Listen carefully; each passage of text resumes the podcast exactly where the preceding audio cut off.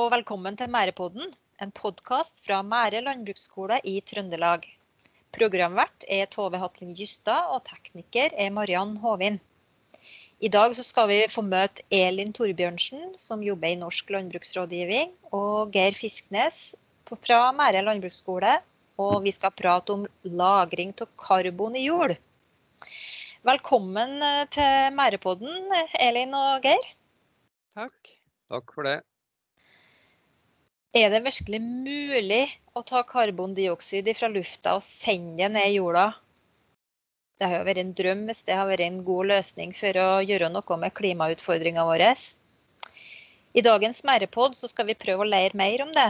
Og vi skal starte litt med deg, Elin Torbjørnsen. Velkommen i studio. Eh, du jobber i Norsk landbruksrådgivning Trøndelag og har kontoret ditt i Rissa. Og du jobber mye med økologisk eh, eh, landbruk. Og da får vi starte med en skikkelig utfordring. Vi må starte med fotosyntesen. Ja, for fotosyntesen er jo naturens løsning på å ta karbondioksid ut fra lufta og sende karbon ned i jorda. Eh, og det gjør alle grønne planter som har gjennom Eh, klorofyllet i plantene, hvor de klarer å omdanne karbondioksid. Altså de bruker, ved hjelp av sollyset så omdanner de karbondioksid i lufta til eh, sukker og oksygen. Um, og. Så de produserer både noe vi syns er veldig godt, og noe som vi er helt avhengig av? Ja, vi er nå helt avhengig av karb eh, karbon, vi òg. Eller karbohydrater, for så vidt. For det, sukker er jo karbohydrater. Um, så de bruker eh, vann og en solenergilys og karbondioksid for å få, få til det her. Mm. Men eh, det, det, blir jo sagt det at det å få øka fotosyntese, det ser ut til å være den sikreste måten å øke karbontilførselen til jorda på. Mm. For vi vet jo at jord inneholder opptil tre ganger så mye karbon som det som finnes i atmosfæren. Ja. Hvordan kan en gårdbruker sørge for å få til mer fotosyntese og øke karboninnholdet i jorda på gården sin? Det er um, også Så lenge det er grønne planter på jorda, så vil du ha fotosyntese. I, så lenge det er solinnstråling og temperatur nok til grønn plantevekst. Eh, så kunsten da er jo å holde jorda grønn lengst mulig. Eh, så i eng så har vi et engomløp så har vi ikke så stort eh, potensial for å fange mer karbon. Der er det kanskje 1 promille som vi kan klare å fange i året. Mens i korn- og grønnsaksproduksjon så vil vi kunne øke betydelig med å bruke underkultur og fangvekster i korn, sånn at vi har grønn plantevekst etter at korn er trøska av. Og i grønnsaksproduksjon så kan du ha eh, etter, eller fangvekster etter tidligavgrøder, eh, f.eks. At du sår inn eh, grønne vekster etter at plantene er høsta. Du må forklare litt mer det med fangvekster og underkultur. Hva er en fangvekst? Eh, fangvekst, det er egentlig en, en, plante som vi sår for å fange mm, næringsstoffer i, som er fritt i jorda etter at eh, hovedveksten vår har eh, slutta å ta opp næringsstoff. For det vil være igjen en del nitrogen og fosfor, kanskje spesielt i jordvæska etter at kornet har eh, blitt treska. Og hvis vi da har sådd en vekst som vokser langt utover høsten, så vil den utnytte det, de næringsstoffene til sin plantevekst, samtidig som den fikserer eh, karbon til jorda. Hva slags planter er det du bruker da? Hvis du snakker om fangvekster, så er det gjerne vekster som vokser raskt. Og I Trøndelag så har vi jo et, eh, en kortere vekstsesong enn det de har på kontinentet. Så her er det jo ofte at vi ender opp med å bruke røygras.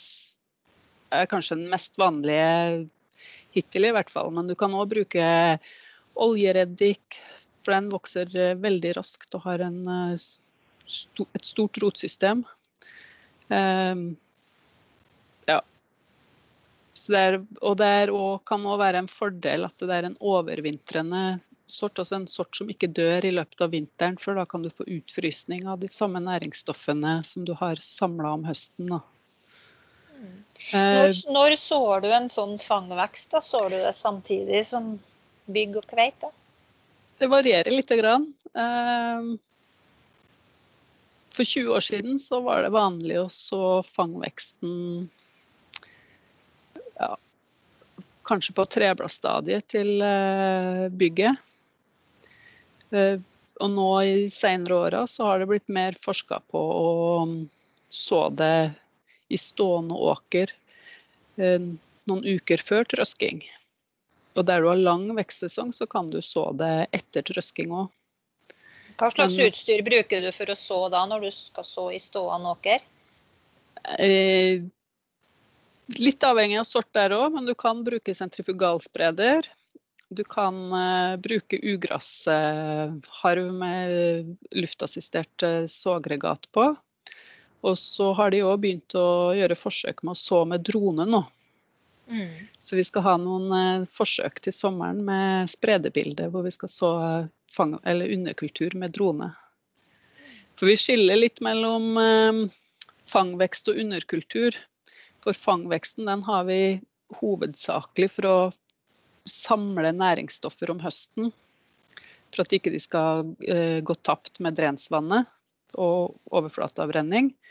Mens underkultur den der kan du ha med kløver f.eks., som, som fikserer nitrogen fra jorda i tillegg. Så det underkultur innbefatter litt flere vekster enn det fang, fangvekstbegrepet innebefatter. Mm.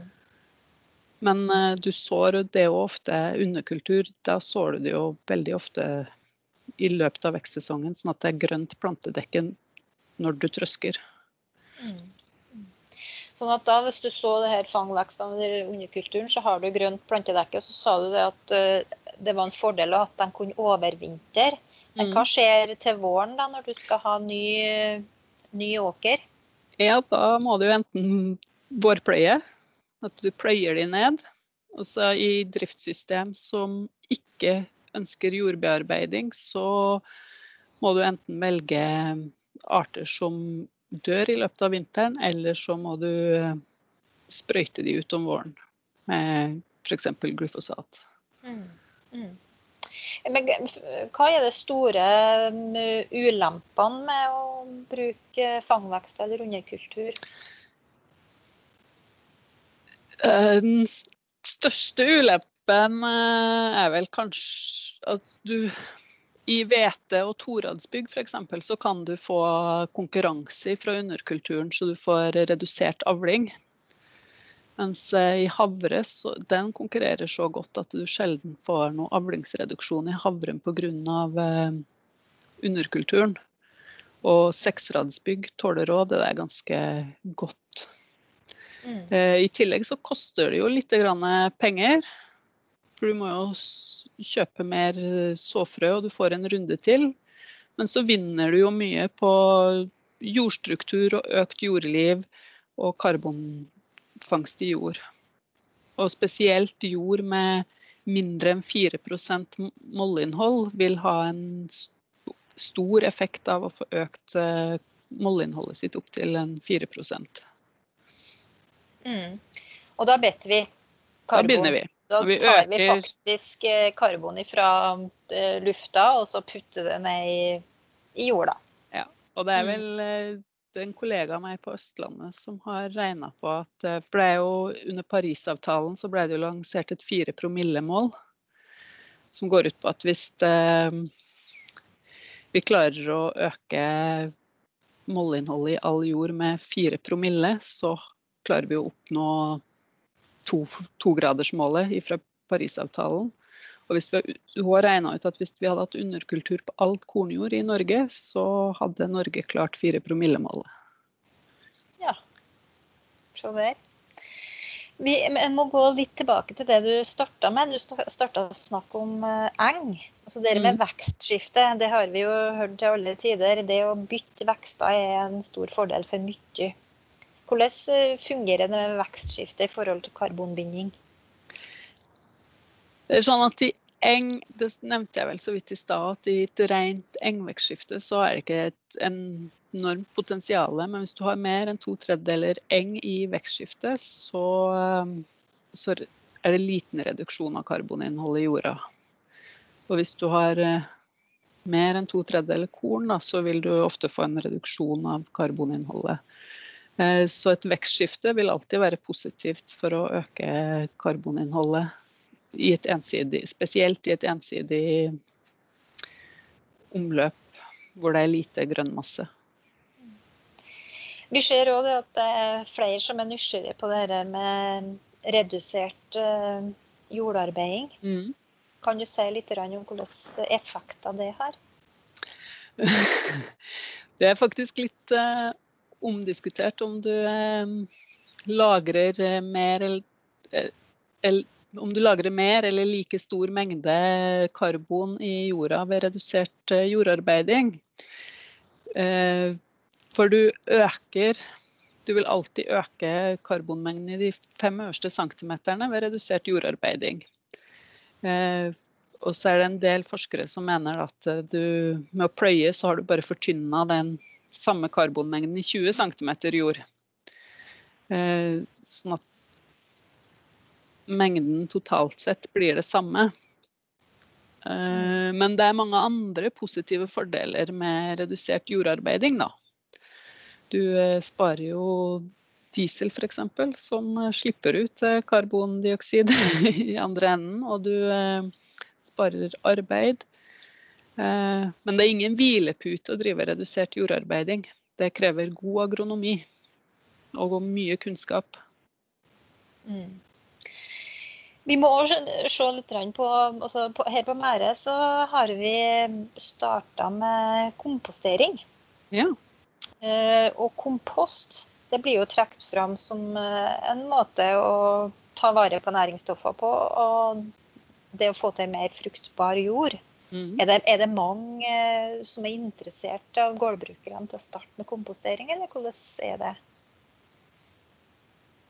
Det er en økende interesse, tror jeg.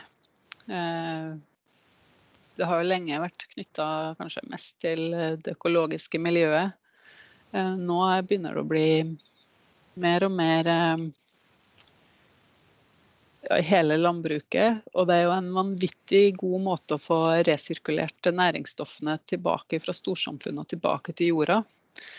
Eh, Og du får òg med deg en del andre gode effekter når du komposterer.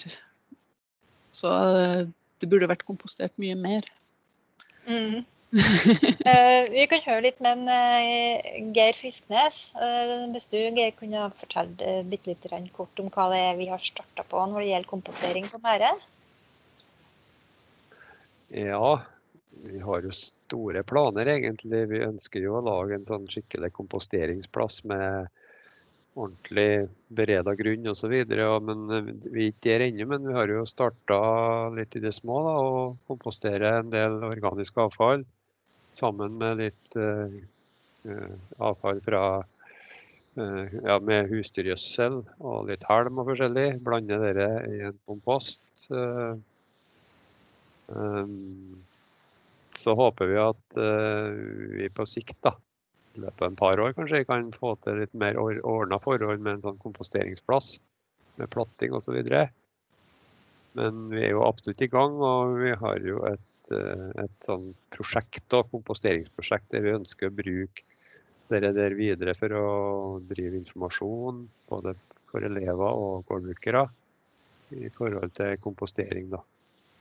Så vi er, i startgropa, for å si det sånn.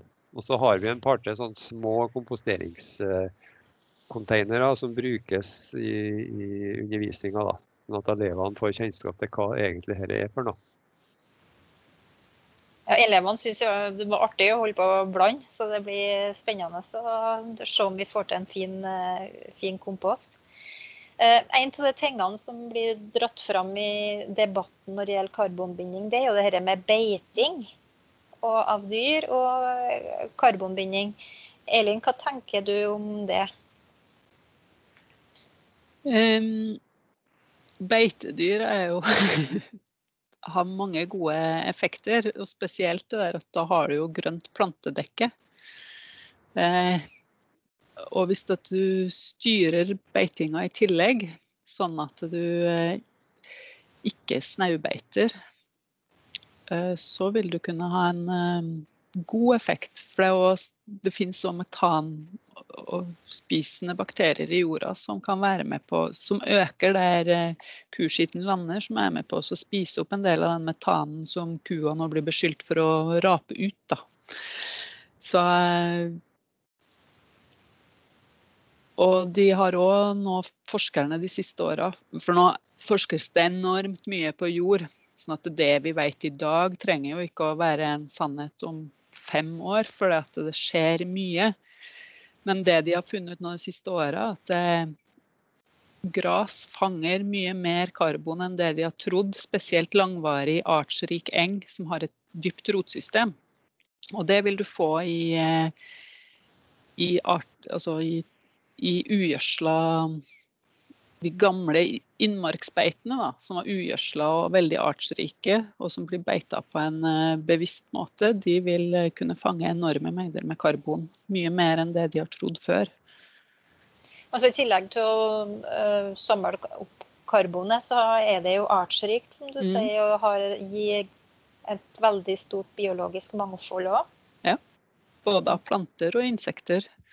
Så de vil også være med på å bevare artsrikdommen i, planten, eller i insektsverden. Og det, er mange av de rødlista artene vi har i Norge, er jo knytta til eh, driftsform. Eh, altså sånn at hvis vi ikke klarer å bevare driftsformen som de er knytta til, så vil de dø ut. For at de er avhengig av enten bli beita inn, Det er insekter som er knytta til eh, spesielle planter. Så hvis planten forsvinner, så vil òg sommerfuglen som eh, lever på de eh, død, f.eks. Ja, og stemningen, ja. stemningen med å gå i et uh, sånt beite og høre på både sommerfugler og insekter som flyr, og dyrene som beiter.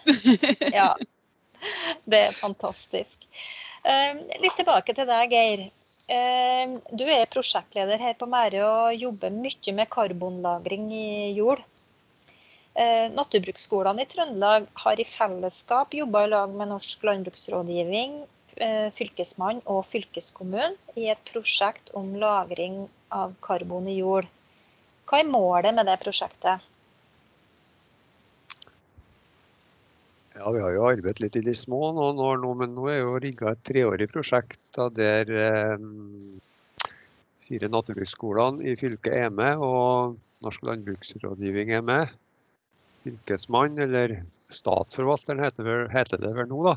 Og fylkeskommunen er med i prosjektet. da.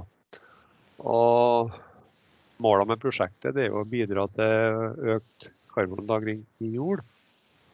Eh, formidle kunnskap da, om det, og demonstrasjon av eh, metoder. Og her kommer jo naturbruksskolene eh, viktig inn i bildet, da, for de har jo mye areal. Og vi kan legge ut demonstrasjonsareal som viser litt om hvordan dette kan gjøres på en bra måte. da. Og her er det med naturbruksskoler ifra Ja, det er fra gamle Nord-Trøndelag. Så har vi jo Val i Namdalen, og så har vi jo Mære. Og fra gamle Sør-Trøndelag så har vi mm, Shetland og Val, nei, Val Øya videregående skole. Så det er fire til sammen.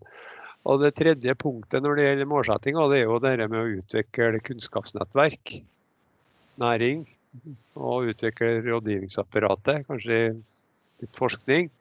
Og ikke minst eh, for skolene sitt vedkommende å få det dette inn i undervisninga.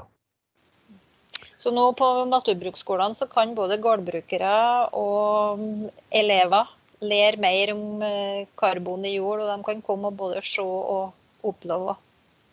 Ja, det er jo det som er målsettinga. For her er vi jo forskjellige aktører med på dette prosjektet. Vi har skolene som eh, kan formidle til sine elever. Og vi har ikke minst eh, Norsk landbruksrådgivning som eh, tar henne videre ut i, i, i landbruket. da.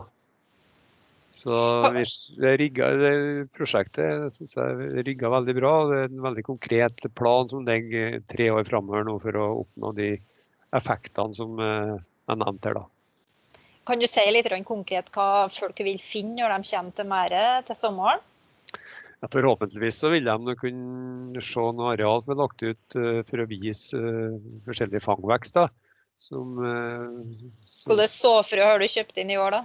Nei, vi har ikke bestemt det litt ennå. Vi holder på å diskutere litt fram og tilbake. Men Elin var jo inne på noen forskjellige vekster, og noe av dem vil vel befinne seg i, i vårt system òg. Og så har vi jo noe mm, opplegg i forhold til at vi skal, det skal alle naturbruksskolene gjøre. Da. De skal legge ut areal eh, og ta jordprøver. Og spesielt da måle innholdet av moll eller karbon i jorda da, før og etter at vi har drevet med de her vekstene den forsøksperioden, så se om det er noen endringer der, da. Så vi har med Så den biten blir jo litt spennende, da. Og så vil de òg, hvis de kommer til Mære spesielt, da, jeg må jo snakke litt mer for, for det vi jobber med, så vil de òg få en, en, visuell arena der de vil se litt uh, ulike typer jordstruktur. Vi har laga noen rotkasser der vi sår forskjellige vekster. og Så kan vi da gjennom noen glassruter på den rotkassen se rotutbredelsen. Og så, så her sår du korn, og du sår oljereddik og raigras, og så ser vi hvordan det ser ut under jorda. Ja, vi ser, ut, vi ser hvordan det ser ut under jorda, så det er litt artig, da. Og så har vi jo litt opplegg som viser litt om livet i komposten. og Vi setter fram jordarter for å se hvordan forskjellige egenskapene de ulike jordartene har. Og litt om biokull. Så det, det, er litt forskjellig. Vi, vi jobba litt med det i fjor, og så prøver vi å videreutvikle denne nå i, i år, da. Ja, du nevner biokull. Det er jo ei stor satsing eh, i, både i Norge og i eh, Europa. Eh, kanskje hva vi skal gjøre med biokullet på merdet til sommeren, da? Ja, vi må jo, hvis vi får til å produsere noe biokull etter hvert, så må vi jo legge ut noe demonstrasjon eller, eller forskning, forske på det. Eh, så det, vi har jo folk i, i nærheten av oss bl.a. i Nibio, som kan veldig mye om det med biokull, som sikkert har, vil ha et ord med i laget der. Så det er mange spennende uh, ting der i forhold til biokull, som, som, som, du sier er sagt å ha et veldig, god, veldig gode jordforbedrende egenskaper. Da. Og har en positiv virkning på, på å holde, holde på karbon, holde materialet i jorda. Og nå kan vi røpe for lytterne at biokull det blir et eget tema på en mærepod som kommer om ikke så fryktelig lenge. Eh, regenerativt landbruk er et begrep som vi hører oftere og oftere. Eh, hva er det for noen ting, Geir? Ja, Før jeg sier noe om det, så kan jeg jo si at en del av oss fra fylket, både nord- og sørdelen, var jo i, på en studietur i Østerrike i, det er to år siden, 2019. I en region som kalles kind of-region. Der driver de jo med regenerativt landbruk. For De skjønte at de måtte gjøre noe for å få mer karbon i jorda. For De har veldig mye mindre karbon i jorda enn vi har i Norge. Og regenerere noe, det betyr jo å, å lappe opp noe som er gått sunt på et vis. Så det er rett og slett metoder som uh, gjør at de øker karboninnholdet i, i jorda. Eh, og for forholdsvis kort tid. Så eh, Det er jo nevnt en del allerede nå i dag om eh, forskjellige vekster da, som en skal bruke for å ta mer karbon fra atmosfæren og ned til jorda. da. Men det er jo en sånn del prinsipp i forhold til det um, regenerativt landbruk. og, og det, Et av det viktigste det er jo nettopp det at en må ha plantevekst eller grønne planter mest mulig, lengst mulig tid i løpet av året. At jorda skal ikke ligge åpen, altså uten vekster. Så det med underkulturer og fangvekster som ble nevnt, er jo veldig viktig. da. Spesielt når en driver med kornproduksjon. Sånn at en ikke pløyer i 1.10 og lar det ligge sånn helt til 1. mai, for å si det sånn. da. Så grønt plantedekke hele året. og kanskje redusert jordarbeiding. Også bruker de eh, biokull, som vi, som vi nevnte, og kompost. Så Det er liksom det første de starter med for å få liv i jorda. Så bruker de også noe som heter flatekompostering. Det vil føre altfor langt å begynne å gå inn på de forskjellige metodene, men det er i bunn og grunn metoder som skal ta jorda tilbake til der det var tidligere, altså ei fruktbar jord som inneholder mye mer moll enn det har blitt i utgangspunktet. For Det er klart at det er jo ikke å legge skjul på at en del dyrkingsmetoder med ensidig bruk av én vekst i flere tiår, det kan jo føre til, eller det fører jo til at uh, innholdet av karbon sakte, men sikkert uh, blir lavere. Det fører jo til ei ufruktbar jord, og det fører til en jordstruktur som, som er dårlig, for å si det sånn, da, for å bruke det ordet. Skrekkeksempel kan jo være enkelte plasser der det blir mest av mineraljord igjen, og det er ikke noe som holder jorda på plass, kan du si. Så skjermer jorda mot vind og, og, og vær. Nei. Så det jeg hører da, når du forklarer uttrykket eller begrepet eh, regenerativt landbruk, det er alt det Elin har snakka om tidligere i, i poden her, egentlig? Ja, det er det. Også litt mer til, kan du si. Det er litt mer eh, metoder som en tar i bruk for å gjøre det dette enda, enda likere, for å si det sånn. da. Men det er klart at han kan jo ta inn deler av det i et eh, vanlig landbruk, for å si det sånn. Han trenger ikke å gå helt til yttergrensene. Så vi kan si at noe av det som er sagt, er deler av et regenerativt landbruk. da. Elin, hva tenker du om dette? Nei, jeg har vel um lært en gang at eh, regenerativt landbruk det er å samle karbon. Så hvis du ikke liksom, øker karbonmengden i jorda, så driver du bare ikke regenerativt. Så sånn sett så kan vi jo si at alle som jobber for å øke karboninnholdet, driver regenerativt. Men regenerativt er jo et helhetlig system som tar hensyn til eh, naturens naturlige prosesser. Uh, og det er Jeg tror det er veldig Så så lenge vi klarer å liksom ha natur se det, så tror jeg at vi kan komme veldig langt uten å At vi må kalle det nødvendigvis regenerativt heller. Men uh, det er en uh, sterkt økende trend i, internasjonalt og i Norge egentlig. Så det blir spennende å følge med hvordan det utvikler seg. Det er nok et begrep vi kommer til å få høre oftere, oftere, men så er det godt å høre det at det er egentlig veldig mye kjente metoder som, eh, som en gårdbruker kan eh, ta tak i. I tillegg til litt ekstra, som du Geir sier. Eh, Elin, i fjor høst så var du på mm, jorddag her på Mære. Ja. Vi arrangerer stort sett hver høst, så har vi tema jord på agendaen. Og da sto du med et uh, lita stripe med insektsvenn. Ja. Eh, Felleskjøpet har laga en eh, frøblanding som heter insektsvenn. Eh, og den hadde Mære sådd ut i fjor. En vakker eh, blomsterblanding med blomster som eh, Eller sorter som skal blomstre stort sett hele mm, sesongen. Eh, akkurat i den blandinga der så var det mye blodkløver og honningurt. Som starter å blomstre, altså Honningurten starter å blomstre forholdsvis tidlig. og Blodkløveren òg blomstrer tidlig og til langt utover, ja, helt til frosten kommer. Eh, så vi var jo der forholdsvis eh, seint i sesongen. Eh, så det var ikke så mye liv når vi var der, men jeg hørte jo av de som hadde gått der litt tidligere om i løpet av sommeren at det hadde vært et yrende insektliv der eh, når de gikk forbi. Eh, og det er jo for å øke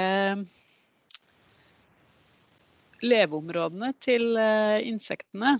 For spesielt humler og sånn er avhengig av å ha mat ganske jevnt. Og de klarer heller ikke å fly så veldig langt, egentlig. Så hvis du har store arealer med korn, så blir det litt sånn ørken for mange insek av insektene. Så hvis man kan ha en sånn stripe med blomstervenn for hver tredje kilometer omtrent, så vil du kunne gi en sånn rastepause for uh, insektene, sånn at de kan uh, få seg litt mat og hvile og, før de flyr videre. Så er det vel òg en fordel for nytteinsektene i åkeren? Ja. At det Ja, ja. er plass og at de må ha litt uh, opplagsnæring, det her nytteinsektene? Ja, ja, og vi fant flere løpebiller eh, selv så sent på året, så det, det vil kunne være både ja, veldig mange nytteinsekter der eh, som både som finner eh, litt større overle... Altså som, eh, større insekter som lever på jordoverflata, som finner eh, både livd og mat der, og flygende insekter som eh, får eh, næring litt sånn av blomstene. Uh, ja.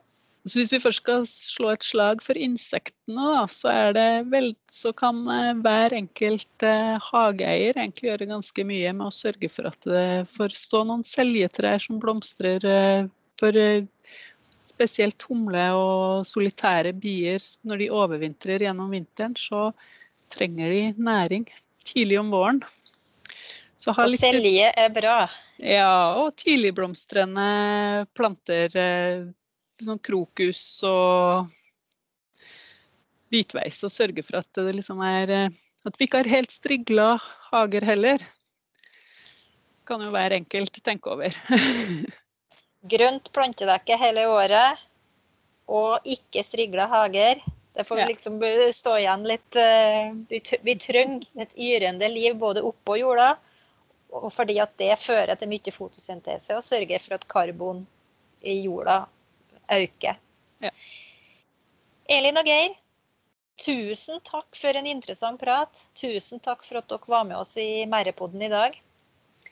Neste ukes Merrespod handler om biokull.